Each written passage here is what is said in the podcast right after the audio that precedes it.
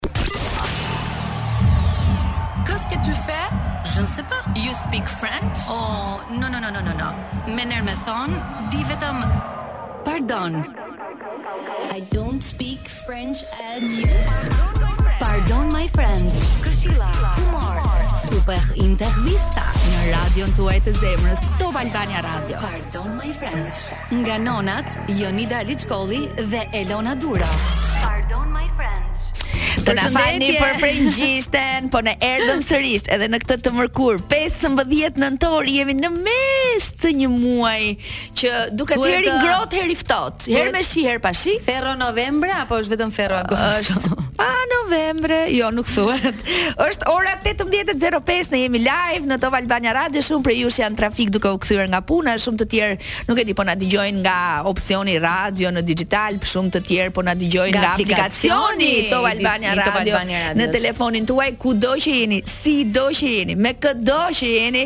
Pardon my French për të mos u humbur sot se kemi një super program me një nivel shumë të lartë artistllëku në të. Mm, kemi tre aktorë super të mirë në Top Albania Radio sot, po rivihet në skenë një prej kryeveprave të Shakespeare është Mbreti Lir dhe protagonistët tre prej uh, aktorëve që interpretojnë që janë uh, Sokol Angjeli, Lulzim Zeqja dhe Roerd uh, Toçe. Toçe do të jenë në Top Albania Radio për të folur për këtë, por edhe më shumë për uh, sepse nëntori është edhe muaji i festivalit të teatrit, janë datat mm -hmm. e mhm. fundit ku organizohet dhe zhvillohet festivali i teatrit.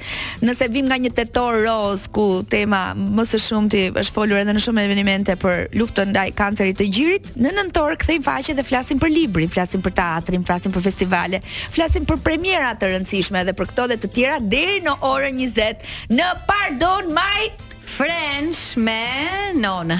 Nonat e veta. The American dream is killing me. Po na vret, tha ky. Ndërkohë që un jam duke kujtuar të ftuarit e sotëm nëse janë ende rrugës, mos kanë mbetur në trafik në këtë kujdesin tonë final që kemi pak minuta para se të fillojë Intervista se gjithmonë me zemër të ngrirë derisa vijnë dhe janë afër mikrofonit. Roerdit i kujtova shoku a je rrugës, gjithashtu edhe dje a kindly reminder for tomorrow. Domethënë jam bërë si alarm për të ftuarit që kemi në program.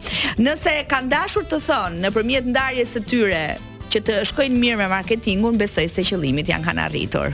Po flasim për një prej çifteve më të komentuara së fundmi, bëhet fjalë për Ledrin dhe Sarën, me sa duket mediat kanë publikuar një uh, teori le të themi, sepse ende nuk është asgjë e konfirmuar nga ana e të dyve, që e gjitha kjo zhurmë mund të jetë uh, për të marrë një vëmendje uh, mediatike.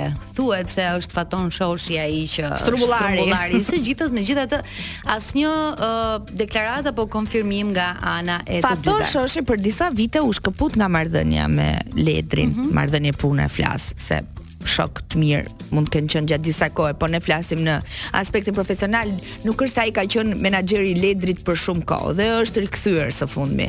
Dhe me sa duket mediat flasin për një strategji të re marketingu. Po përse? Un vazhdoj të mos e kuptoj përse. Për arsye klikimesh YouTube, për arsye të hiteve të Ledrit, për arsye se të qenurit i martuar nuk është mirë për fansat që të rrethojnë. Domethënë kam shumë pikpyetje në kokën time, ashtu siç mund të kenë edhe shumë njerëz tjerë që jo se e mbaj mendjen aty, po thjesht kur bie muhabeti, ore janë ndar apo nuk janë ndar ato të dy, se nuk është se nuk po han vaktet. Njerëzit janë shumë kurioz sa i përket po, jetës po. personale të personazheve të njohur. Megjithatë, Nëse do të jetë e vërtet që mes tyre mund të ketë një krisje, unë shpresoj shumë që krisja në mënyrë absolute të mos jetë ndarje mes tyre sepse janë një ndër çiftet më të bukur të showbizit. Po edhe, edhe nëse ka krisma, është më se normale për një marrëdhënie në çift mendoj unë se kush ai kush është ai çift që ndoshta nuk ka patur ulje ngritjet e veta, por urojmë të jetë vetëm kaq edhe të mos të mos jenë të vërteta të tjera. Sidomos kur këta njerëz kanë qenë edhe protagonistë në programin tonë dhe na kanë rrëfyer shumë me sinqeritet për, për jetën e tyre personale. Sara ka treguar që nga njohja e deri se si shkon jeta së po fundi, po po ashtu edhe vjehrrit e Sarës mm -hmm. kanë qenë në program Xheraldina me Agronin. Urojmë që së pari të jenë mirë me shëndet, edhe me shëndet mendor për gjithë gjërat që qarkullojnë lart e poshtë në rrjetet sociale, në YouTube, në menaxhera e e kam un shoqe, e di un thot grimieri, po tani tim tregon mua, un dje e takova. Ato që ne shohim me sy është që nuk i kemi parë një postim të dy së fundmi dhe nuk po shohim të kalojnë kohë të dy së fundmi. Kaq, që prapse është një gjë e mirë, po urojmë të jenë bashkë të tre, të tre, ashtu siç publikojnë shpeshherë me njëri tjetrin. Me Poin. Dëgjuat Sand nga Dove Cameron dhe rikthehemi në Top Albania Radio për të folur për gjërat që kanë tërhequr vëmendje gjatë kësaj jave apo jo Elona? Yes, edhe tani do të flasim për shembull për në kuadër të festave. Në kuadër të festave, në kuadër të dashurisë, në kuadër të familjes, në kuadër do ua themi më vonë. Të aludimeve. Ah, po gjeni vetë dhe torturohuni dhe pak, thot Luizi dhe Kiara, për uh, njerëzit që mezi presin të dëgjojnë lajme të mira, sigurisht lajme të mira sa i përket çiftit. Ata kanë publikuar një video e cila shumë është klikuar, shumë është pëlqyer. Shumë është shpërndarë në rrjet ka dalë kudo. Kiara dhe Luizi na sjellin atmosferën fantastike të festave të fundvitit përmes këtij setit që jam e sigurt që ju i keni klikuar dhe i keni parë. Pastaj të gjithë aludojnë, bëjnë ato zoomet e nevojshme, a është Kiara shtatzënë apo jo. Jonida ti ishe e ftuar në fan club, hë na thuaj si ishte Kiara, se kur isha unë ishte tre muajshe. Tani është rritur barku. Nuk e di, bëj shaka, bëj shaka. Me thënë të drejtën, mos uh, merrni çdo gjë. Jo vetëm që s'e pyeta, uh, mm. por uh, as nuk më shkoi mendja që të rrija dhe të flisja apo të bëhesha si kurioze. Megjithatë, kanë qarkulluar këto lajme. Jo kanë qarkulluar këto lajme, zotrote ke publikuar një video, edhe, nisur po thoja, më lart apo nisur edhe nga një video që un kam uh, publikuar një story. Pa. Po. Ku Kiara duket që ka këmishën e gjerë dhe është përkulur për të më përshëndetur, ë uh, dhe të gjithë mendojnë që nga ajo video po i duket barku, me thënë të drejtën unë e pashë nga afër, nuk është se i dukej siç po aludojnë. Megjithatë, ë uh, nuk uh, kam çfarë të them kur nuk kam asgjë të sigurt për të thënë. Domethënë ti po thua që ja është po nuk dukej dha? Jo, nuk e nuk më duk. Vetë the, mbaje tani. Nuk më duk. Nuk më duk te ajo video, po thoja pse po aludojnë, sepse normalisht Jo gjithkush që vishet me këmishë të gjerë mund të jetë shtatzënë. Uh -huh. Ne e veshim dhe për qejf, për shembull. Uh, por, por, por që dukej në fakt. Vazhdon polici. Si e merr vesh polici? Jo, dini që polici keq është Elona jo. me raste, me raste bëhem dhe un, por un uh, mendoj që edhe mm. nëse do të kenë këtë lajm të bukur për të ndarë me të gjithë Kiara dhe Luizi, u takon vetëm atyre. Nëse pyetëm pak më parë dhe thamë shumë pikëpyetje, vendosëm shumë pikëpyetje për çiftin ë Ledri Sara, përse po sillen kështu apo pse marketingu po e do kështu apo pse njerëzit po kuriozojnë kaq shumë dhe nuk po kanë një përgjigje. Tek çifti në fjalë është, ore pse po e vonojnë? pse nuk po e japin këtë po- përgjigje? Ç'është kjo? A, apo ndoshta duan ta ruajnë dhe pak, nëse do të jetë i vërtetë si lajm. Sa u fol për për për uh, një parti për të zbuluar gjininë e fëmijës. Mm -hmm. Kanë dalë po, kanë dalë disa lajme në mediat rozë. U fol pastaj lart e poshtë për një festë të madhe ku Kiara është mbledhur me mikeshat e saj për të festuar këtë lajmin. Për pse vonon? Do ta pyesim ne pastaj. Do të nova. Do ta ruaj për vete, nëse Kiara, janë të gjitha këto. Alo Kiara. ja do lidhemi me Kiarën pas pak.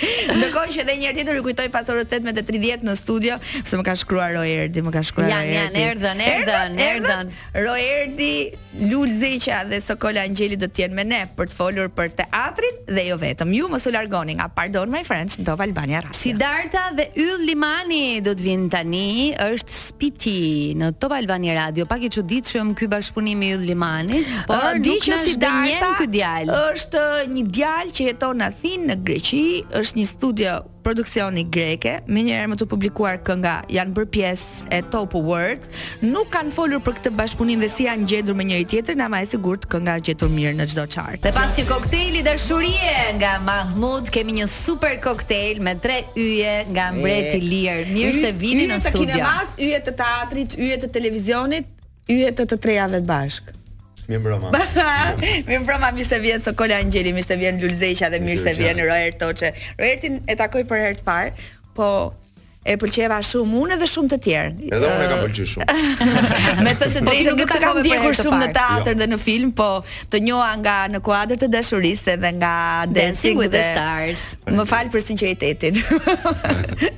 Aktorët shqiptarë në fakt njifen më shumë teatër dhe është gjynah që shumica të veprave teatrale nuk shifen nga gjithë mm -hmm. masa sepse filmi gjithmonë është në ekran, në televizion, e arritshme. Mm -hmm. Po teatri për të cilën kemi ardhur sot është ajo që ne kemi besoj më shumë sivjet mos flasim për dhe kemi ardhur për një nga tragjeditë më të mëdha të Shakespeare-it që do të rivi në skenë për të dytin vit radhazi Mbreti Lir. Mbreti Lir. Sokol Angjeli, shumë kënaqësi që të kam në studio.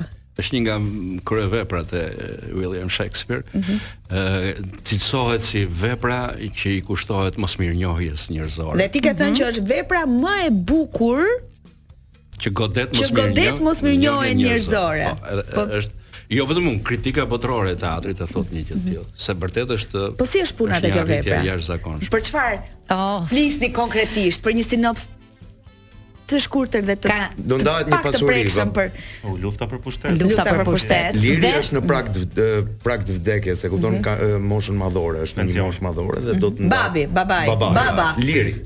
Mbreti. Baba ne edhe... familja në fakt. Mhm. Po në fakt prindrit e Prit se ju një Jonida ju njeh me emrat e artit. Unë ju njoh ashtu si prezantova. Ju prezantoj me Lul Zeqjen, aka Edmundi.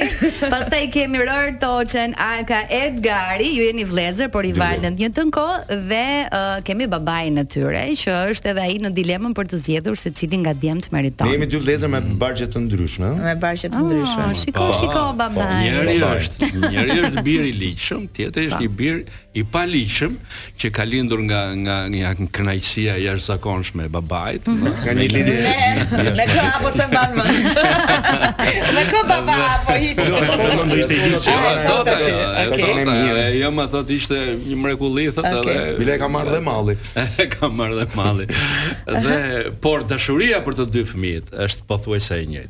Jo pothuajse, po është absolutisht e njëjtë për të dy, mm -hmm. si për mhm. djalin e ligjshëm, si edhe për djalin që Ai do t'i lërë pasurinë në mënyrë të barabartë të ndarë. Jo, jo. Në, problemi nuk është me këta të dy. Mbreti, domethënë ka tre vajza. Tre vajza, tash me vajza. Edmundi nuk po. meriton pasurinë sepse është i paligjshëm. Një fëmijë i është ligjshëm. Po. Por në fakt edhe, është më besniku apo jo? Jo, ai bën çmos që të përfitojë. Hmm, është më ngre një kurth për ta. Më fal Edgar se të preka.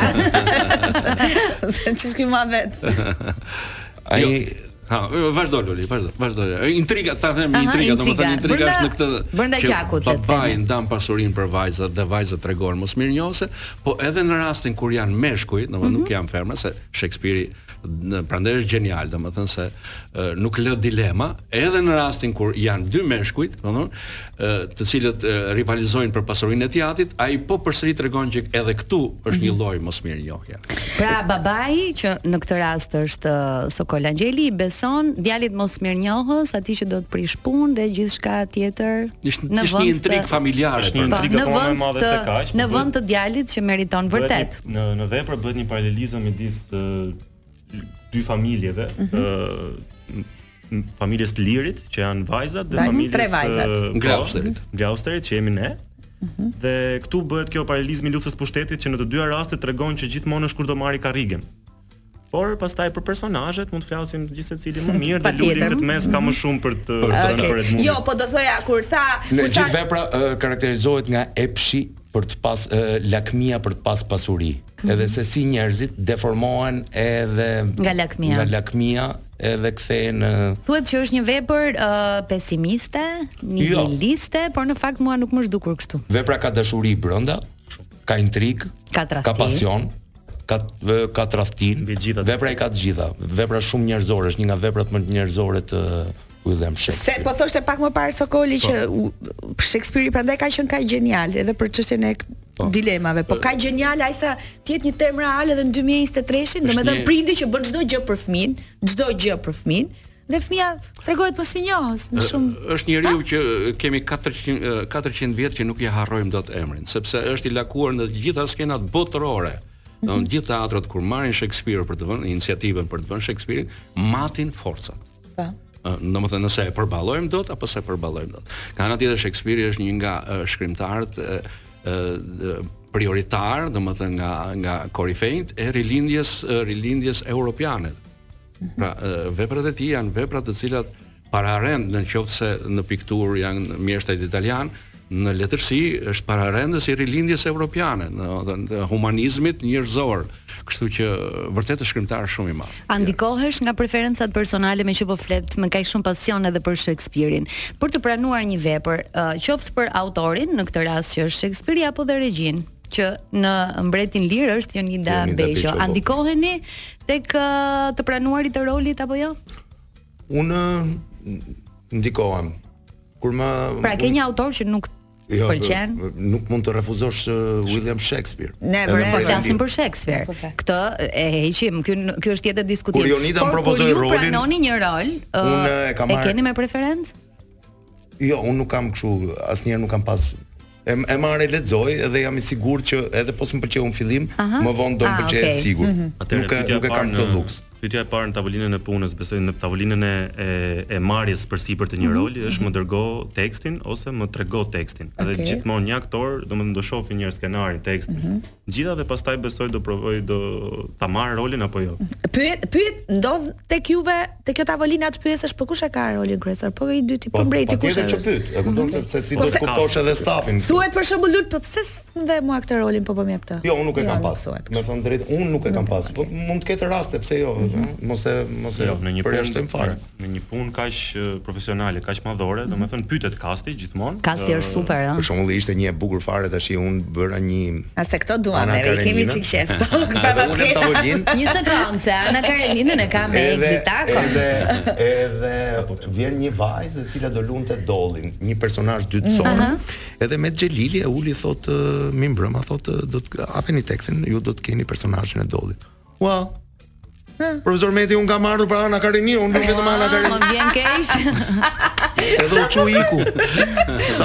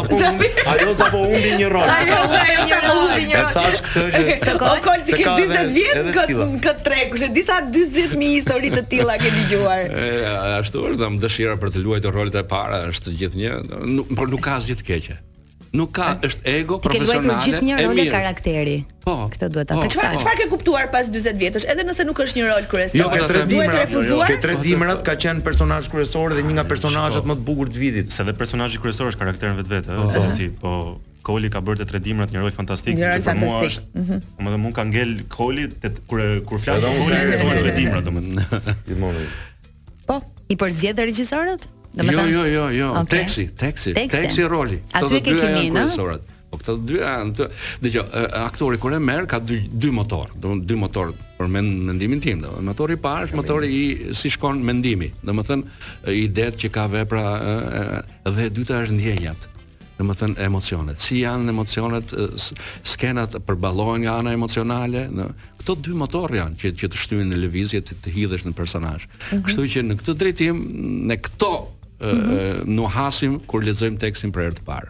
Domethënë sa përmbajtje i, i domethënë nga pikëpamja filozofike të mendimit të tjera, po, edhe ç'natyrë emocionale ka personazhi. Po karriera jote shumë shumë, në këto vite ka qenë e prirur ndaj humorit, po, satirës, komedisë, se do pyes. Si je këtu, si je këtu tek tek te ky rol. E ky është dramatik. Dramatik. Ja, ja, ja. Po e bëti dhe drama në çfarë? Me qarë me publikut shqiptar. Kolin nuk e kam parë në role dramatike. Për shembull, po Koli ka gjithë ato role dramatike në teatrin kombëtar që mund të rreshtohen e nuk nuk po. numërohen me gishtat e mm. dorës se janë shumë. Shumë. Po problemi është se këto shfaqje gjithmonë humbin ose vdesin dhe Mbreti Lir është një fakt që neve po e rikthejmë mm -hmm. sepse publiku i ka shkruar teatrit Metropol çdo ditë mesazhe për të thënë që lutem rikthejeni, lutem rikthejeni. Pra meqë ra fjala kur rikthehet në datën 23 jemi në premierë. Të jo, 23 nëntor në orën 19 të enjten. Të enjten e javës që vjen. Me 24 Do të jemi në orën 21, po. sepse jemi pjesëmarrës edhe në festivalin mbarëkombëtar shqiptar. Të cilin do ta cekim pastaj. Cili hapet më datë 20. Po. Mhm.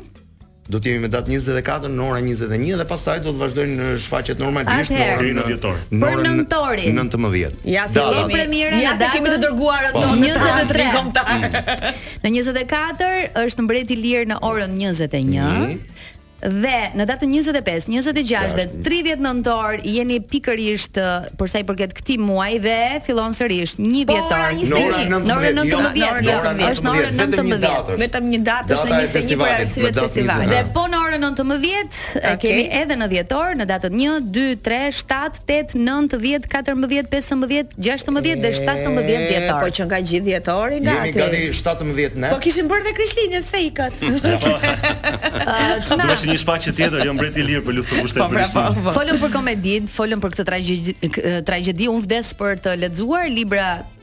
të dhimbshëm, kam shumë qejf të qaj edhe në teatër po ashtu, por ndodh që komeditë ndonjëherë i mbushin sallat më plot sesa uh, tragjeditë apo dramat. A është kështu edhe me këtë vepër? Nuk është kaq e vërtetë. Ëh. Mm edhe drama, edhe drama dhe tragjedia sjell për shembull uh, neve që kemi Mbretin Lir. Mbreti Lir është një tragjedi. T'themi t'drejtën, vjet mos më leni të gënjej. Salla ka qenë plot,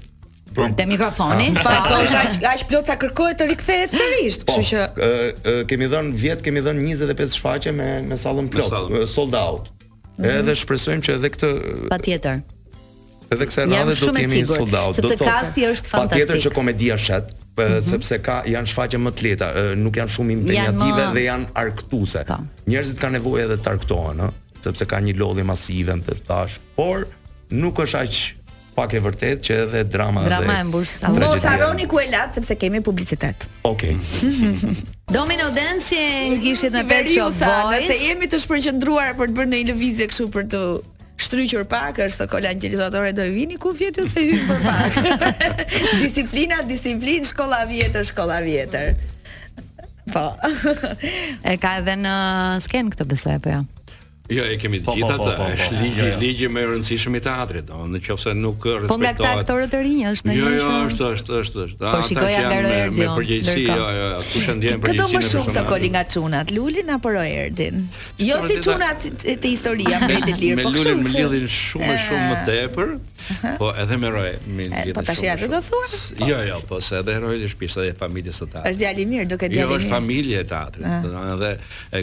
kujtoj me shumë respekt teatrin, është pjesë e po. teatrit, pjesë pjesë e stafit tonë të gjithë së bashku. Edhe ai është rritur me ne në ato ambientet tona të teatrit, se me siguri ati e ka marrë për dorë dhe i ka thënë urdhëro, hajde këtu, shikoj këta xhaxhat që luajtën, kështu teatri që sa bukur dhe edhe kështu të bëhesh dhe ti. Dhe duhet ta dashurosh. Teatri është një magji, është një magji e madhe teatri. Po ti kë do më shumë Erdi, teatrin, filmin, skenën, televizionin? Më përpara thoja gjithmonë teatrin, mm -hmm. pa i mhm. provuar uh, filmin ose okay. uh, po gjithmonë dua më shumë aktrimin, domethënë është aktrimin. është filmi dhe teatri që kanë të dyja magjinë e vet dhe unë mm -hmm. besoj se asnjëri nga ne nuk i zëvendëson dot. Teatri ka atë live-in kurse mm -hmm. filmi ka dublin e radhës, por kur e sheh ndonjëherë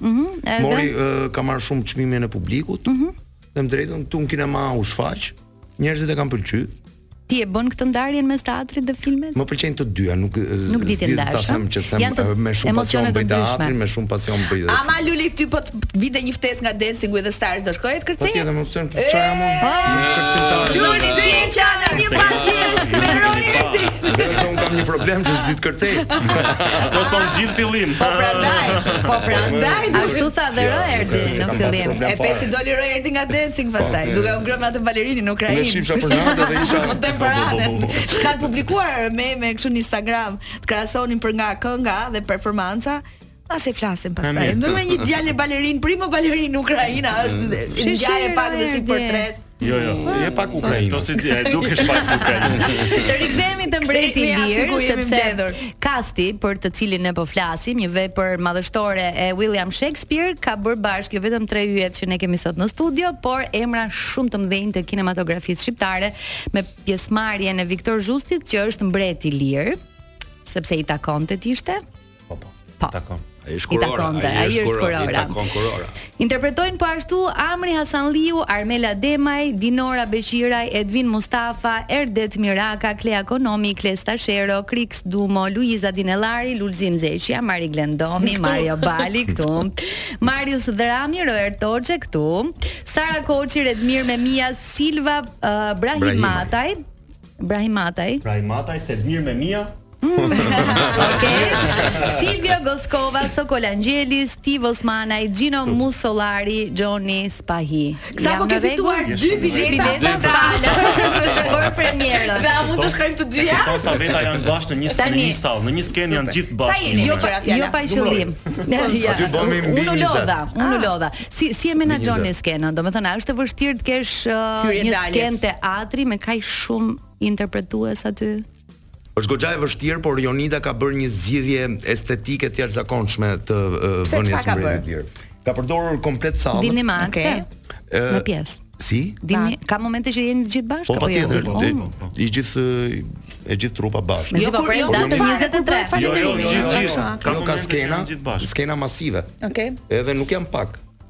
Janë disa skena masive, të cilat Jonida Beqo i ka Teatri Metropol ka skenën ë Po, është në mes, po. Rrumbullake Po, dhe rrumbullake ne kemi ti. përdorur gjithë gjeografinë e Shekspirit me Jonidën, domethënë që e ka bërë gjithë dinamikën e e hyrje-daljeve, i ka bërë që të jenë ë në mos ndonjëherë të gjithë prezent statik, shkëmbehen, mm -hmm. njëri del, tjetri hyn, njëri del, tjetri hyn dhe është shumë Një nga pyetjet që shtrohet në këtë vepër edhe nga ata që e kanë parë, e kanë lexuar, kritikë, ç'po hulumtoja lart e poshtë nëpër internet, thuhet çfarë e mirë mund të ndodhë kur mbreti është i çmendur dhe budallai është i mençur. Mm. Kjo është mençuria e Shakespeare-it sepse Loloja është nga personazhet më të bukura. Domthon kur kur bëhet fjalë për do vë Mbretin Lir thotë mirë, do mbretin do të gjejmë një figurë dramatike. Po, po Lolon, Lolon kush do ta luajë, Lolon kush do ta luajë sepse është një personazh brilant, brilant, një mhm. personazh i shkruar në mënyrën më të mrekullueshme të mundshme. Dhe ky kombinim midis anës tragjike dhe humorit në mhm. këtë vepër i bartur nga të dy personazhet, të cilët janë dhe, si me thënë, një bashkëpunim i njëri tjetrit, një një një komposto e njëri tjetrit në kuptimin artistik të fjalës, ë kësaj radhe Jonida ka qëlluar në shenjë. Super. Me këto zgjedhje. Çfarë mund të ndodhë kur njerëzit e ndershëm ndëshkohen dhe internohen, kur një djalë kthehet kundër babait? Si? takon Luli. Çfarë do ndodhë? Po. Çfarë mund të ndodhë? Kur njerëzit e ndershëm ndëshkohen dhe internohen dhe kur një djalë i kthehet babait të tij. do flasë Edgari. Po. Okej. Besoj se do jetë uh, gjithmonë lufta për të rregulluar emrin dhe për të të, të rregulluar të vërtetën dhe familjen. Okej. Okay.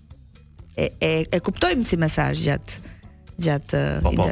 është i qartë është i qartë është i qartë aventurat e mbretit plak me të bijat u tha që do të jetë deri në fund deri nga mesi i dhjetorit. Po. Domethënë sot edhe një muaj gati deri në 17 dhjetor. Po çfarë e bëri të rikthehet Roerd Lul? Sokol, çfarë ç- pse pse njerëzit e përqafuan kaq shumë këtë shfaqje sa kërkonin të rikthehej sërish në teatrin Metropol? Unë mendoj dy gjëra janë. Herë pas here historitë që dëgjojmë nga nga realiteti që na vjen, sidomos realiteti i përplasjeve, i mos mirënjohjeve, i grabitjeve, i tjetrit që ta fut dorën në xhep etj etj. Domethënë, këto janë ato që njerëzit po i ndi, i, i, i kanë hap pas hapi, i, i, i, i takojnë çdo ditë, domethënë. Ndihen te kjo shoqëria shqiptare akoma e pastabilizuar me një mungesë të theksuar të të balancave, domethënë në në në jetën e përditshme. Zullumi shpeshherë është aq i madh, domethënë sa e kalon edhe kufijtë e mendjes. Në, një kam dëgjuar një nga këta domethënë historitë e biznesmenëve, tokën që që përvetësoi ia mori ia mori hallës së vet, për shemb. Po mirë, halla është pasuri, është familje. Si ia merr hallës, si e përvetëson. Po ia marrin vllajt, vllajt në fakt. Aktualiteti ku është aktualiteti që përshtatet. Prandaj qëndron me ka. Prandaj qëndron aq i madh Shakespeare-i, sepse sot ai kjo vepër ai vet sot e pesi me të para shkatërrimi i familjes. Po në fakt, një vajzë mund të shtiret që e do babain për hir të pasurisë edhe po në ditët e sotme? Po. Po ndodh, ë shikon një vajzë Nëse e marrim në aspektin që rriten, janë fëmijë etj etj e shohin babain në sensin pastaj kur është ajo pjesa e infektimit ndaj këtyre pasurive që është xhelozia midis vajzave që unë dua më shumë apo më pak, kjo po ndodh dhe sot. Mm -hmm. Siç tha dhe Luli për Shekspirin, prandaj është aq i madh sa që i rri kohës sepse ka luajtur me emocione të forta, domethënë mm -hmm. gjithmonë janë emocione që janë koherente edhe sot, zilia, epshi, lakmia, lakmia lufta për pushtet është është e dukshme kudo, hap televizorin, shif lajmet dhe janë pa, pa, pa, pa, sa dhe kur janë dhe sot. Dhe prandaj kjo ndoshta është. Dhe jo vetëm në vendin tonë, është globale, kështu që. Po është Mbreti Lir, ka shkruar William Shakespeare, është angli. Dashuria, e kupton? Dashuria nuk po gjehet, e kupton? Mhm. Ka hum sepse neve kemi fillu të rendim, vrapojmë, e kupton? E justifikojmë veten me gjëra si përfaqësore, si përfaqësore dhe Harrojmë ndonjëherë, domethënë ka ca batuta, ka ca batuta në tekst që ti i dëgjon kur i flasin vajzat, që është më mirë të vini të shihni. Unë mezi po pres datën 23. Ë ka disa batuta atje që ty të rrëqethet mishi vetëm kur i dëgjon, domethënë, mm -hmm. mënyra se si trajtojnë mbasi një njeri ka humbur karrigen e pushtetit apo ka humbur Uh, Vepra është thelbësisht edhe politike. Respektin, mm -hmm. pasi ka humbur respektin si thua titullin e e nderit, domethënë mënyra se si thuhen këto batuta janë janë rrëqethëse dhe dhe dhe për tani dhe për ne. Kënaqësi shumë e madhe që për edhe disa minuta të kemi në Top Albania Radio tre aktorët e Mbretit Lir, por jo vetëm. Sokol Angjeli. Se ishin dhe 20 të tjerë. Të tjerë. Sokol Angjeli po thoshte që uh, dy djemtë është vështirë për t'i ndarë, por në fakt në këtë kryevepër të Shakespeare-it i bën një zgjedhje të gabuar ndoshta. Po, ai domethënë e, e pranon intrigën që i bën domethënë Edmundi, djali jashtëmartesor, si me thënë. E pranon si të vërtetë, sepse është baba naiv. Në qef zëri sokolit. Baba naiv, thotë, mhm. thotë personazhi. Është baba naiv, në kuptimin që i vjen shumë e papritur dhe e gëlltit këtë, e merr, domethënë, e bën të veten. Kush prind mendon që një fëmijë aty po po po, po, po, po thur po intrigon, intrigon. Po juve, mo, pse jeni kaq intriganta, kaq të poshtër, kaq. Baba naiv. Nuk është intrigant, ai kërkon të drejtën e vet, sepse ai ka ardhur në jetë. Do i keni ngjarë. Si e mbron personazhin, shif, shif. Patjetër që do e mbroj. Do e mbroj personazhin, ai mbron të drejtën e vet. Sepse nuk mund të jem unë një bastard. Edmund. Unë kam ardhur në jetë. Okej. Nga dashuria e madhe, ai ka qenë i madh. Histori e po. pasion. Edhe kur lesh mua dhe më quan bastard edhe i ulët. Mhm. Ai kërkon të drejtën e vet. Pastaj rrugës, e ka vuajtur gjithë jetën të rrugës merr masat e veta edhe. Mhm. Do të vendosë cilën nga ju dashuroj. Por fundi i fundit nuk është unë dashuroj. Me vajzën e mbretit. Me të gjitha vajzat e mbretit. Opa! Sepse ai kaq është charmant, është Çfarë ofronte mbreti? mbreti çfarë ofron? Jo mbreti si shfaqje çfarë ofron. mbreti si shfaqet çfarë ofronte?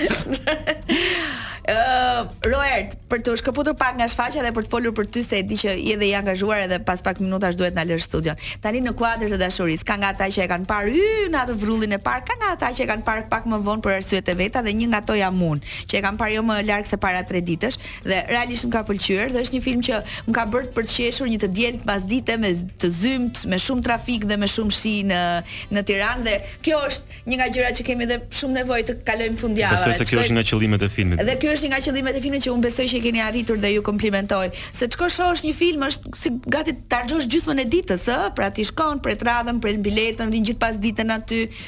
bën dhe pastaj një takim me shoqërinë. Domethënë del grupi vazhdon. Dhe ky besoj është qëllimi i arritur nga ana juaj. Është një film komedi romantike interesante shumë roli jot është çfarë të kanë thënë njerëzit dhe mbi të gjitha kolegët meqë në studio kemi dy atëherë gjëja e parë që uh, dua të them është që një film që flet shqip po mbush sallat e kinemasë dhe për mua kjo është arritje edhe më bëhet shumë qefi sepse gjithmonë filmat shqiptarë po si për teatrin si për filmin po vdesin uh, po shihen shumë pak edhe ndonjëherë vetë pronari i kinemasë thotë që filmi shqiptar nuk shet vëlla. Mm.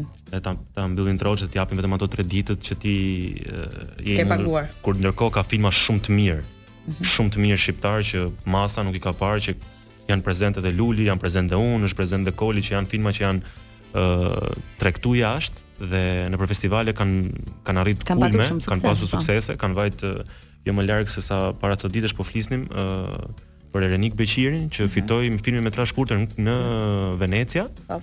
Dhe ishte në krah me Jorgos Lanthimos, e domethënë dhe çudia më e madhe zgjati vetëm një ditë dy ditë. Ë është një nga arritjet më të mëdha në kinematografinë shqiptare. I mungon vetëm marketingu, marketingu. dua të them. Këtu ka një problem, duhet të martohet marketingu, por është me, edhe me veprën artistike. Strategjia më më e mirë e PR-it që po shohim është e Top Channel-it që po është aksia Top Channel. Jam shumë dakord. edhe kjo ishte një nga pyetjet e radhës që është bërë një marketing shumë i madh mm -hmm. dhe një marketing i mirë dhe i madh dhe i zhurmshëm e shet produktin gjë dhe funksionon.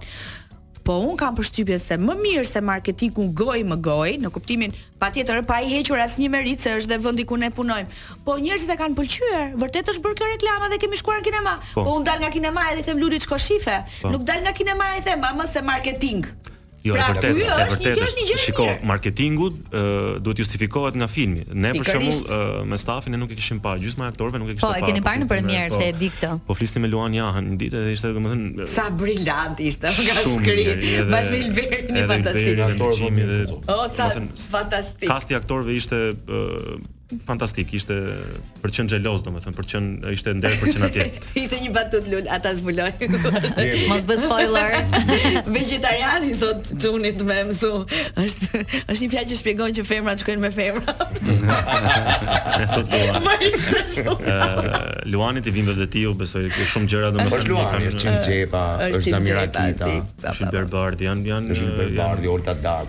Aha. Si u ndjeve ti Roerd me Për- për të marrë kastin me përgjigjen e edhe marketingut. Për marketingun. Dhe ne kishim të hallin edhe çfarë të thanë kolegët. Ne kishim hallin e, e, e faktit që a justifikon filmi që ne kemi bërë këtë Mm. këtë marketing sepse unë them drejtën nuk kisha parë marketing të tillë në Shqipëri për një film dhe nuk kisha qenë prezent në një, një premier lloj tapeti premiere kuq, e tillë. kështu, alla Oscar. Ë fiks alla Oscar. Edhe Kur hymë brenda, pamë që edhe filmi e, e justifikoi atë marketingun e madh. Dhe gjithë un e kam parë në premierë dhe kam qenë gjithmonë me atë emocionin e e, e premierës, kam qenë me emocionin e tapetit kuq dhe kam qenë me emocionin e filmit. Pa. Po. Dhe ishin nja tre emocione bashkë që në fund më dhanë një shije shumë të mirë në shtëpi. Sa mirë. Dhe ishte shumë e bukur ta shihnim premierën, po jo. Më mirë që nuk e kishit parë më parë. Ndo, ndonjëherë nuk është më mirë mos ta shohësh. Ndonjëherë po në këtë rast ishte më mirë. Se është një emocion më pak nga ato që përmendi nga ajo turlia që që kishe përjetuar. Në këtë rast ishte shumë më mirë ta shikoja. Pyetja çfarë thanë kolegët, po nuk e di pse kam një përshtypje mund ta kem të gabuar që pjesa më e madhe thonë nuk e kemi parë. Një pjesë tjetër thotë, ku di unë, do të shkoj ta shoh ose ishte jo, mirë dhe do të thashë janë sinqertë. Do fillonte xhelozia. Po të jem i sinqertë, po të jem i sinqertë shumë kolegë, edhe nga pjesa e stafit të Mbretit Lir.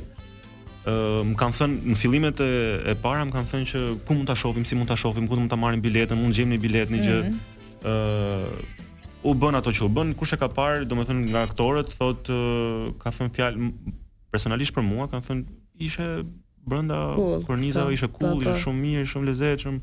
Bravo të qoftë në konkretësi në këto. Kaq, domethënë, shumë lezetshëm. Po mirë, fjalë të mira. Po janë shumë të mira. Pastaj ti edhe në rol ishe politikisht korrekt. Shiko, është një rom kom dhe unë luj romin. Ti kishe edhe një dyfish, kam përshtypjen vështirësi, se kishe përballë edhe Sarën që vetë është shprehur sa gjëra më ka mësuar Roerdi në këtë punë. Po, edhe... Ty duhet të mësoj edhe aktorët to be që edhe, që të jo, aspirojnë të jenë. Jo, në fakt është jo. bërë një punë masive me Bes Bitrakun dhe me Sarën, kemi bërë një punë tavoline, si të themi, kur kemi marrë skenarin, kemi marrë skriptin, kemi bërë prova, çfarë mund të adaptohet me personazhet me personazhin e Sarës të Aria-n në jetën reale të Sarës. Një fiksim ke filmit. Mori xhaketën dhe iku në shtëpi ajo dhe ti nuk kujtove që duhet të merrje xhaketën. Po pra se lihet për dyshin, ëh.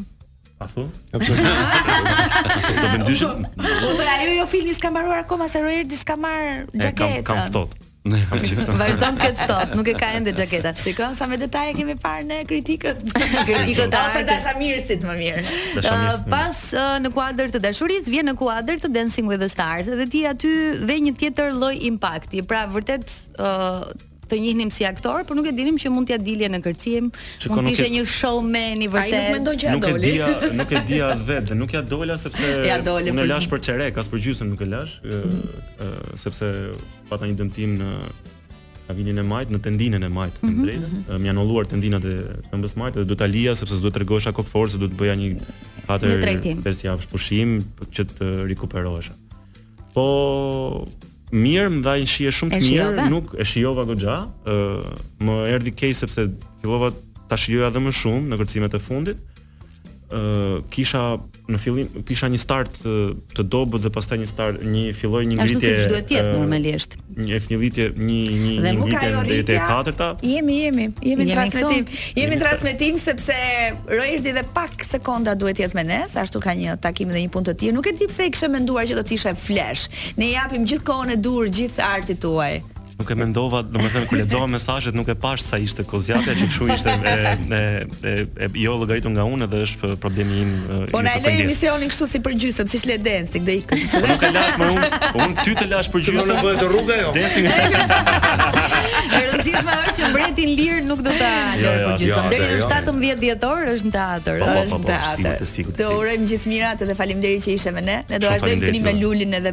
me Kolin nga inati jot. Ne besoj se do të kënaqemi, se unë kënaqem shumë dhe me Lulin dhe me Kolin. Faleminderit shumë Roer. Po deshe na qeras një gjë për të pirë presim sot. Në orën 8 pa 1 mund të vij.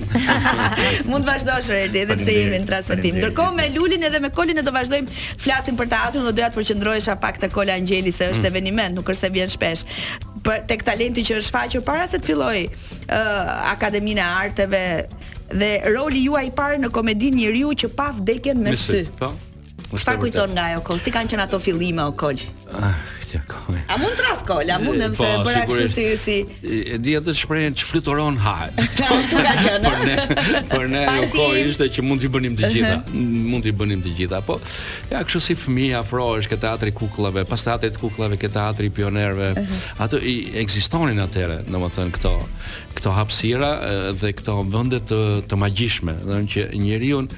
edhe fëmijën e, e bëjnë të ëndrrojë, të shohë kështu ëndrra me sy hapur.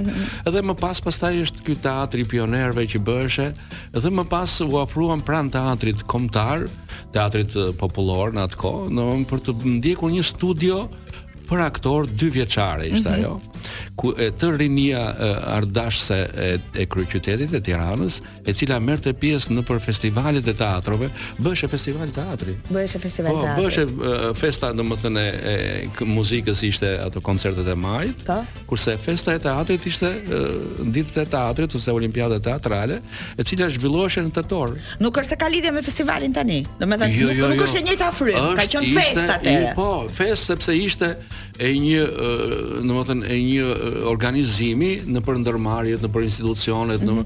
domethënë bënte teatri kom, popullor çfaqje bënte teatri i radiotelevizionit shqiptar bënte akademia e arteve teatrin e vet mm -hmm. bënte uzina Partizani artin e vet teatrin e vet bënte mjetet mësimore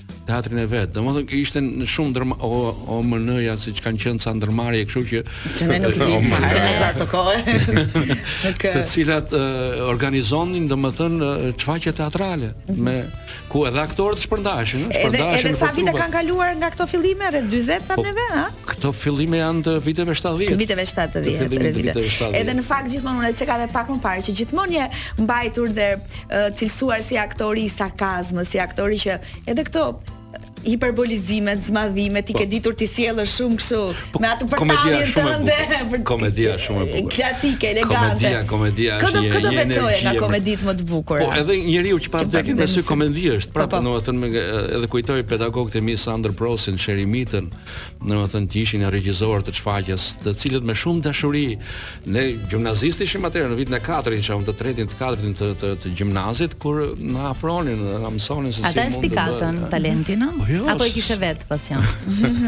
A dhe gjëje.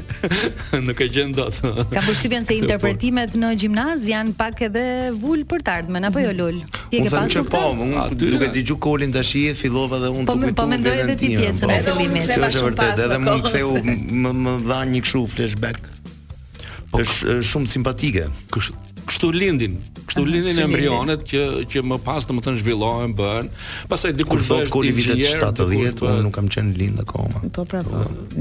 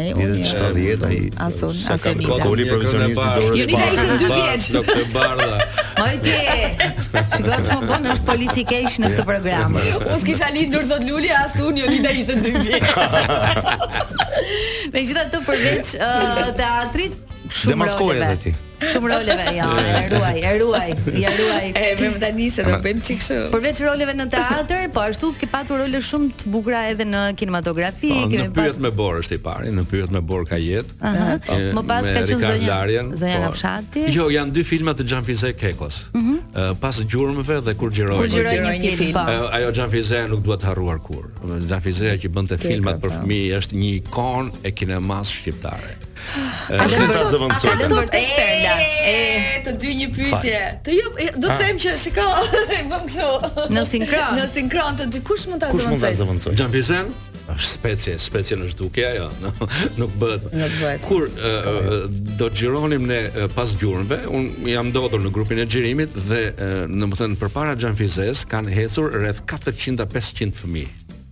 Pra për të zgjedhur 5-6 kalamaj që i dukeshin asaj tek tek filmi pas gjurmëve që u realizua në në duhet të ketë qenë 79, 70, po, 79. Po që kanë qenë në audicion 500 fëmijë. Po, po. I ka pritur, i ka përcjellë 500 po, fëmijë. Po, 78-a. Po. Po. Po, pa parë. Domethënë Xhanfizeja ishte, pastaj ndërtonte shumë bukur sheshin e xhirimit. Në shesh xhirimi ajo ishte, domethënë i i i, i ngacmonte kalamajt në atë mënyrë, domethënë që ata të fillonin të bënin kështu dialog me njëri tjetrin, të hynin në marrëdhënie me njëri tjetrin, edhe të bëheshe jetësore se me kalamajt është shumë vështirë për të luajtur film. Patjetër. Nuk e ke idenë sa të vështirë do të nxjerrin menjëherë. Të nxjerrin zbuluar. Të nxjerrin zbuluar. Ja thotë ky artisti thotë ky po bën si artist. Ata janë aq të natyrshëm, aq të sinqertë në atë që bëjnë, saqë ti duhet të matesh mirë. Sa mirë do ishte një regjisor i mirë sot të realizonte një një film për fëmijë. Top Channel Films. Ja një ide. Një film për fëmijë.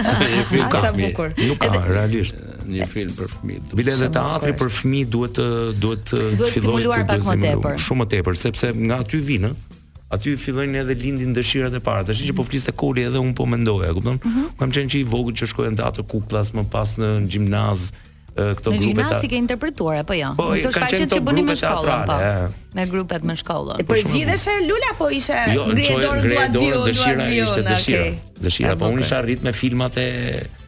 e kinostudios me shfaqjet e teatrit kombëtar im, më dhe im at më çonte shpesh e kupton. Kol, ke folur shumë për punën e teatrit. Se po. ke qenë pjesë edhe e grupeve. Po, është vërtet. Po. Madje ke ke deklaruar po ashtu që edhe kur nuk interpreton vetë shkon shumë shpesh në teatër, që sheh kolegët. Po. Kaq kaq shumë e do. Po, sigurisht që është është jeta ime, domethënë janë çdo gjë, por ka një shprehje të regjisorëve, të cilët thonë që fiton shumë nga teatri i bukur, nga filmi i bukur kur e shikon, mm. po fiton akoma edhe më shumë nga filmi i keq dhe nga teatri i keq, sepse mëson se si nuk duhet bërë. Mm -hmm. Dhe kjo se si nuk duhet bërë shumë e rëndësishme. Ka patur teatro të këqij, vepra që jo. Unë nuk po të them domethënë deri në këtë në këtë po. pejorative, fare fare po. fare, po mhm. ka ka patur dhe punë jo të mira, dhe punë jo të mira, të cilat mm -hmm. domethënë duke i parë thua, ej, shiko se si ndodh kur ti 1 2 3 4 kur kjo kjo kjo dhe kjo nuk harmonizohen ose kjo kjo kjo luajnë keq, Pra është vërtet është një sy i hapur vëzhgues i cili të mëson se si ti të ruhesh nga gabime, nga nga nga gjëra që me me pak me pak mençuri, domethënë me pak durim mund t'i evitosh. t'i evitosh. Luli, po, më fal, po, thjesht meqë ishim tek po, po mhm. për filmin si mendon se i ka që i ka punët. Filmi, kinematografia. Edhe teatri dhe filmi janë goditur, me thënë të vërtetën. Mhm. Ka patur një periudhë po shumë të keqe. Nuk duam të bëjmë politikë këtu, mhm. domethënë në këtë jo, mes, po asnjë na ashtu, po të gjithë ndjejmë që edhe teatri dhe filmi tani sidomos në në infrastrukturën e tyre, domethënë sidomos teatri është katandisur në një Histori jo shumë të këndshme, dhe bile mhm. fare mm -hmm. me kushte me kushte minimale dhe kushte që sa vijnë e rëndohen më shumë.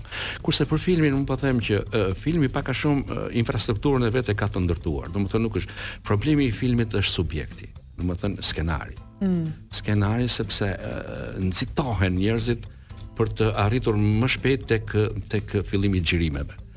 Unë them sikur të mendohen edhe disa edhe disa muaj më shumë. Të uh, bëjnë një përgatitje parapërgatitore, ne nganjëherë parapërgatitore po ka për parapërgatitore që vazhdojnë 3 vjet, 4 vjet, 5 mm -hmm. vjet për përpara se ti të nisësh xhirimin. Sidomos kur bëhet janë... fjalë për çështje të mëdha. Prandaj këto janë të nevojshme. E merr i ri rolin e del plak. A jemi lodhur? a jemi lodhur me temat e hakmarrjes dhe gjithçka tjetër që ka të bëjë me Shqipërinë?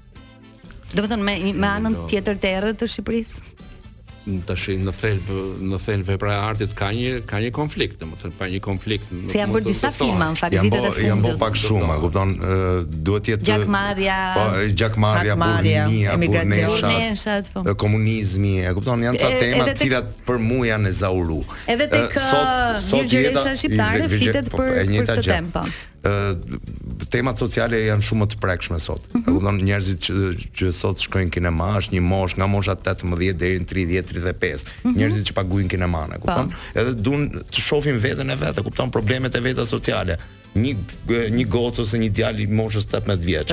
Unë nuk jam kundra që mos bëhet një film për komunizmin, ëh, mm -hmm. sepse jo, ajo jo. është një pjesë e historisë tonë, por jo të jetë të jetë gjithmonë kjo historia e komunizmit. Po. E kemi thënë, e bësh. Ka një lloj ezaurimi, e kupton po ana sociale që po kalojnë të rinjtë, edhe unë, edhe ka nevojë të trajtohet më shumë në filmat tanë. Kthehemi sërish te Mbreti Lir që ka çështje kaq aktuale edhe në ditët e sotme. Ka çështje aktuale, kupton familja, ë lidhjet, mm -hmm. e kupton? Ne do të jemi bashkë me Lulin edhe me Kolin edhe për 10 minuta të tjera pas publicitetit për të folur për festivalin e teatrit dhe pastaj do ndajemi për t'u takuar në evente të tjera të mëdha tuaja. Unë nuk e di si u ndjetë ju, po unë dhe Elona e kemi shijuar jashtë mase këtë program të ah, sotëm, sepse përveç kënaqësisë që ju ishit në studio po flasim, po flasim edhe për gjëra që vërtet uh, i duam shumë edhe me pasionin që ju keni për punën që bëni, është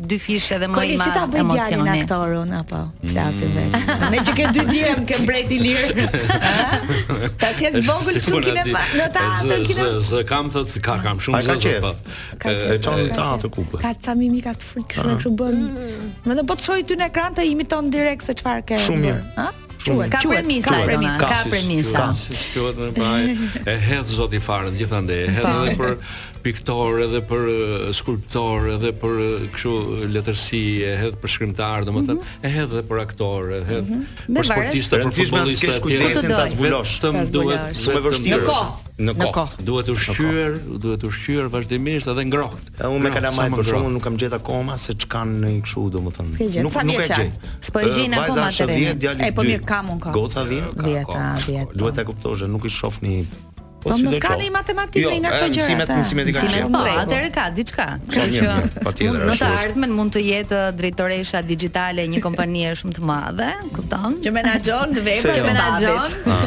veprat. Aty i pëlqen. I pëlqen. Luli këtë vit ka qenë super i angazhuar, ka patur shfaqje nga më të ndryshmet në teatër, edhe uh, Vojcek ishte Vojcek apo uh, je pjesë e sezonin e e teatrit kombëtar. E teatrit kombëtar, po je edhe pjesë e festivalit. Po jemi pjesë e festivalit, e hapim me datë 20. Mm -hmm. Do të jemi në shfaqje. Do të prezantohet teatri kombëtar me shfaqjen Vojcek të regjisorit Kuniaki Ida. Mm -hmm. Është një regjisor japonez, ishte një eksperiencë shumë e mirë. Mm -hmm. Unë u kënaqa me procesin e punës, pak ishte një proces pak i gjatë edhe i lodhshëm, por ndonjëherë kur shfaqja del mirë, Më fal, është regjisor japonez. Është japonez. Si merreni vesh? Ai flet italisht sepse ai ka një shkollë në Itali në Milano, okay. ka një shkollë për mhm. aktorë të rinj. Janë eksperienca shumë të bukura këto. Shumë të mira, shumë shumë të mira. Ai kishte një moshë diku te është nuk ishte i vogël, ishte diku 74, 75, po me një formë formë fizike të jashtëzakonshme, mentalisht shumë mirë. Lul ça të thonë të huajt që nuk ta thonë shpesh shqiptarët kur të takojnë në punë sipër. Është e njëjta gjë, ha? Vetëm se ata e thonë në gjuhë të huaj, shqiptarët ta thonë shqip. Unë nuk është se kam gjet ndonjë kështu, e kupton? Domethënë vërejtjet janë po të njëtat siç ta bën një regjisor shqiptar mm. Neve na duket, neve na pëlqen të kemi regjisorë të huaj edhe për të konfirmu vetveten, edhe për të pa veten, mm -hmm. se si jemi në raport me të huajt Mhm. Por nuk është, unë nuk besoj që ka një ndryshim esencial. Tash mos ka mbetur mendja tek ndonjë kompliment apo ndonjë shprehje apo ndonjë jo. sugjerim, këshillë që mund të të ketë jo, dhënë. Jo, bile bile më ka bë vërejtje të të jashtëzakonshme kësaj radhe. Oh, po, po, si jo, vërejtje gjatë punës. U bëj kështu. Jo, jo, po vërejtjet janë në qoftë se regjisori nuk të bën. Jo, në qoftë se nuk bën vërejtje të kalon pas dore për mendimin tim. Mhm. Unë e marr kështu vërejtjen. Okej, shumë mirë. Me Ana Kareninën si u gjende? Ana Karenina m'erdhi një propozim nga Mehmet Xhelili, mm -hmm. i cili do e vendoste, kishte bërë një ai do të them ajo ishte një skicim i Ana Kareninës. Mm -hmm. Është është një dramatizim i një autori ang anglez. Ë uh, mua m'u duk shumë interesante dhe më pëlqeu shumë. Unë kisha lexuar edhe romanin, kam parë edhe filmin. Kur e mora tekstin, ishte një përkthim shumë i mirë i Ben Andonit. Mhm. Mm e mora me shumë qejf, kisha Kareninin. burrin e anës, edhe thashë pse jo ta provoj. Ana luhej nga Egla Ceno apo jo? Ëh, mm, si ishte? Ana Karenina ka bë një rol të jashtëzakonshëm për kohën që kishte, mhm. sepse ajo u bë në një kohë rekord për gati 25 ditë. Ëh. Mhm. Egla Ceno ka bë një rol shumë të mirë për mendimin tim. Shfaqja u prit shumë mirë. Mu m'habiti reagimi i publikut kësaj radhe. Shfaqja për katër net ka qenë plot. A është e vërtetë që është rikthyer mund... publiku në teatr, sepse e shoh shumë ko, këtë kohë të fundit. Ka kohë që mm -hmm. publiku po rikthehet në teatr sepse edhe cilësia e shfaqjeve them unë që është rrit. Mm -hmm. Unë nuk mendoj që ka ikë ndonjëherë. Jo, ka, ka, pas, ka pas një moment, ka pas një po. periudhë ku publiku u largu. U largu, nuk po kishte më interes. Ka një 3-4 vjeçar.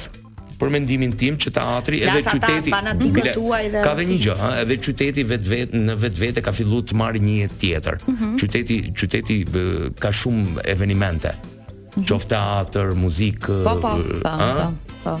Madje po mendoja kur ti the datën 20 në 20 nëntor është ndeshja e fundit që na kualifikon për Europian edhe. E, e, e shikon sa sa e, e ndarë është jeta në kryeqytet. Edhe unë të siguroj që do të ketë salla do të jetë plot sepse ne e kemi provu kur ka luajt kombëtarja. Ne kemi shpresu që nuk do të ketë njerëz dhe kemi pas sallën plot. Ne mendonim do jenë vetëm gra, jo gra dhe burra. Shi. Ka njerëz që nuk janë të apasionuar pas sportit po. edhe po, kërkojnë të argëtohen. Po, ndeshja fillon në në orën 20:45. Kanë po. kohë për ta ndjekur. Po, po. Uh, me festivalin e teatrit, Elona tha që do flisnim në këto minuta të fundit të bisedës së bashku. Uh, Sokolin e kemi me Mbretin Lir, uh, ti po ashtu je me Mbretin Lir dhe me me Vojcek, që është një dramë. Vojcek është një dramë humane, e shkruar në shekullin e 19 nga Georg Büchner. Mm -hmm. Është historia e një pacienti i sëmurë mendor, se si pushteti dhe dhuna nuk e lënë që ai të të marri veten dhe e shkatarrojnë deri në vdekjen e tij. Oh, qenka tragjike edhe kjo. Një dra Çfarë... është drama ekzistenciale. Ëh, mm -hmm. është shumë aktuale edhe kjo. Ëh, shohim sot si pushteti dhe shkenca herë pas here dëmtojnë njeriun, e kupton? Unë e has Po, është shumë e vërtetë. Unë e has edhe aty ku ku ku dhuna e, e politikës, e shkencës, bëhet më e tmerrshme për njeriu. Ë uh, ju po thoshit përpara se të hynim transmetim që është shumë mirë që uh, festivali i teatrit po rikthehet. Ë uh, ju vetë si po ndjeni dhe çfarë po prisni? Ka qenë një traditë, Koli duhet ta thotë më mirë, mm -hmm. sepse po, Koli Po e prekëm uh, pak minuta më parë. Jo, uh, jo ka, tradita ka qenë... e festivalit mbarëkombëtar, e cila ka qenë në kalendar. Ka qenë në kalendar i përvitshëm. I përvitshëm. Kalendar Ai pastaj kishte edhe teatro profesioniste, domethënë teatro të cilat organikën e tyre e kishin të plotë, kupton? Me, me teatrot e qyteteve kanë qenë shumë aktiv, siç po bëhen edhe sot, ëh. Po, edhe sot janë po, kthyer. Qenë Tirana që rivalizonte shumë me Fierin atë kohë për mhm. komedinë e Fierit, po, por si Shkodra, Korça në Fier. Kanë kanë sillnin prurjet e tyre. Çfarë viti është ndalu Koli kur u prish se këtë do e dija. Në mbas 97-s? Më vonë, më vonë. Më vonë. Një festival i fundit, domethënë, janë bërë edhe të tjera, po jo në atë jo të jo përvitshëm, po, jo të përvitshëm. Jo, jo në në atë kujdes, që po bëhet tani. Mhm. Një në Vlorë që kemi bërë ne, domethënë që ka qenë po. nga nga më të kështu me pjesëmarrje të tjera. Pa, pastaj filloi kjo domethënë teatri kaluan në varësi të, të bashkive, me domethënë filluan të reduktohen. Çfarë po prisni nga ky festival?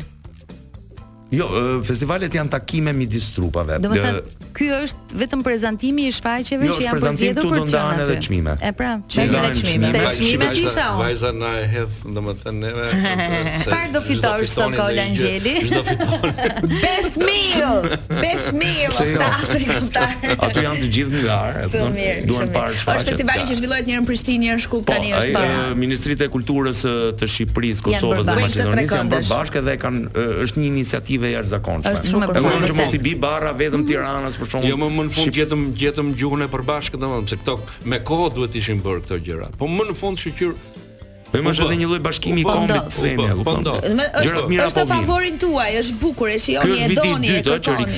Super fare. Ky është viti i dytë. Teatri, un them që teatri po ecën mirë. Mhm.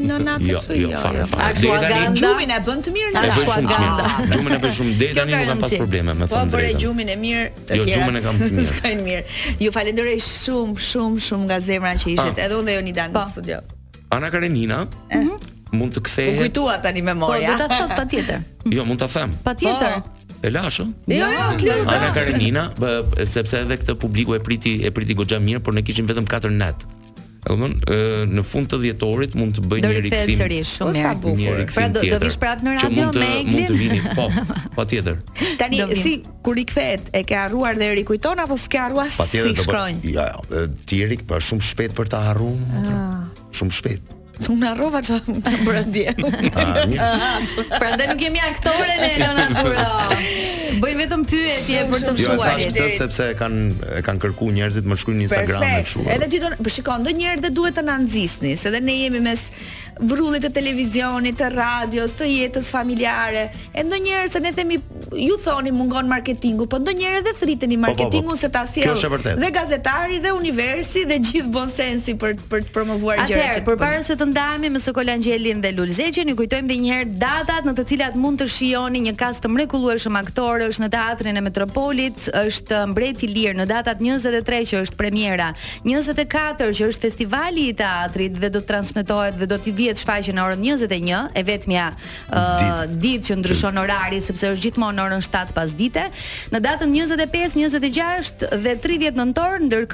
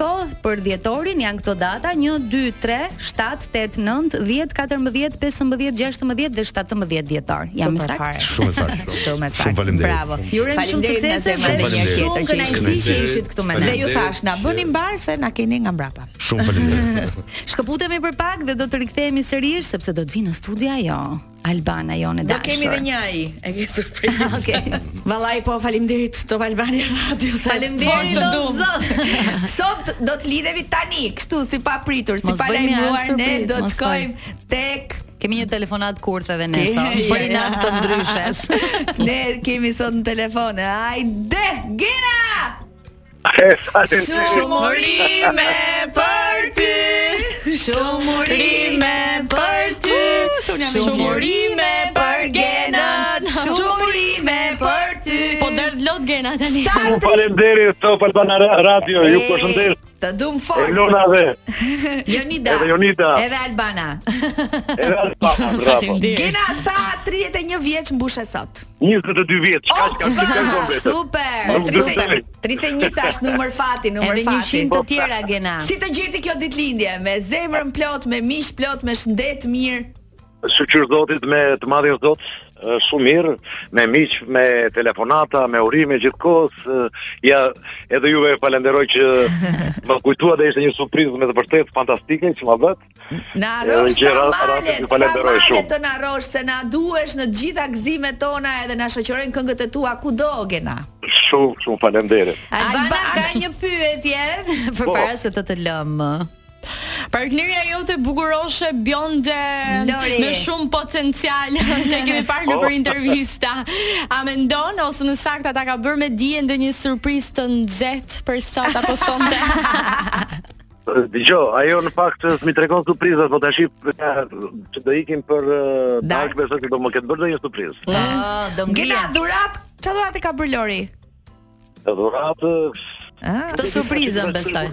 S'është kollitur. Sa do të çfarë surprizë? S'është kollitur akoma. Në darkë pra, është surprizë. akoma, akoma. Gena, edhe 100 u bëfsh? E faleminderit shumë dhe ju uroj dhe juve vetëm suksese. Edhe nuk di çfarë t'ju them tjetër sepse me të vërtetë ishte një surprizë fantastike. Falenderojmë edhe ne ty gjithë të mirat.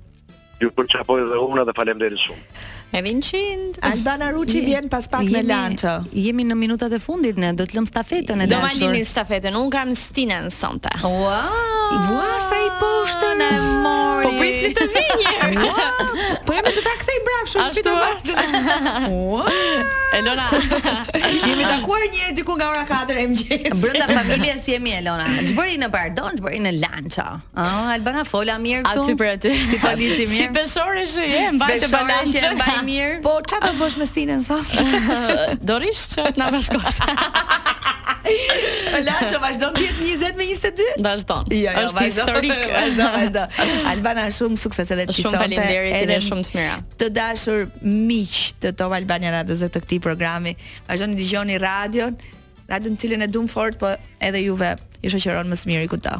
Aloran sa e bukur bluza. Ah, fillove të shku si luan to. Është ta kish. Mirë u dëgjofshim të mërkurën tjetër. Faleminderit shumë që na ndoqët edhe sigurisht që do ta bëni gjithmonë. Ja, lutem Jonida. Ciao. Bravo.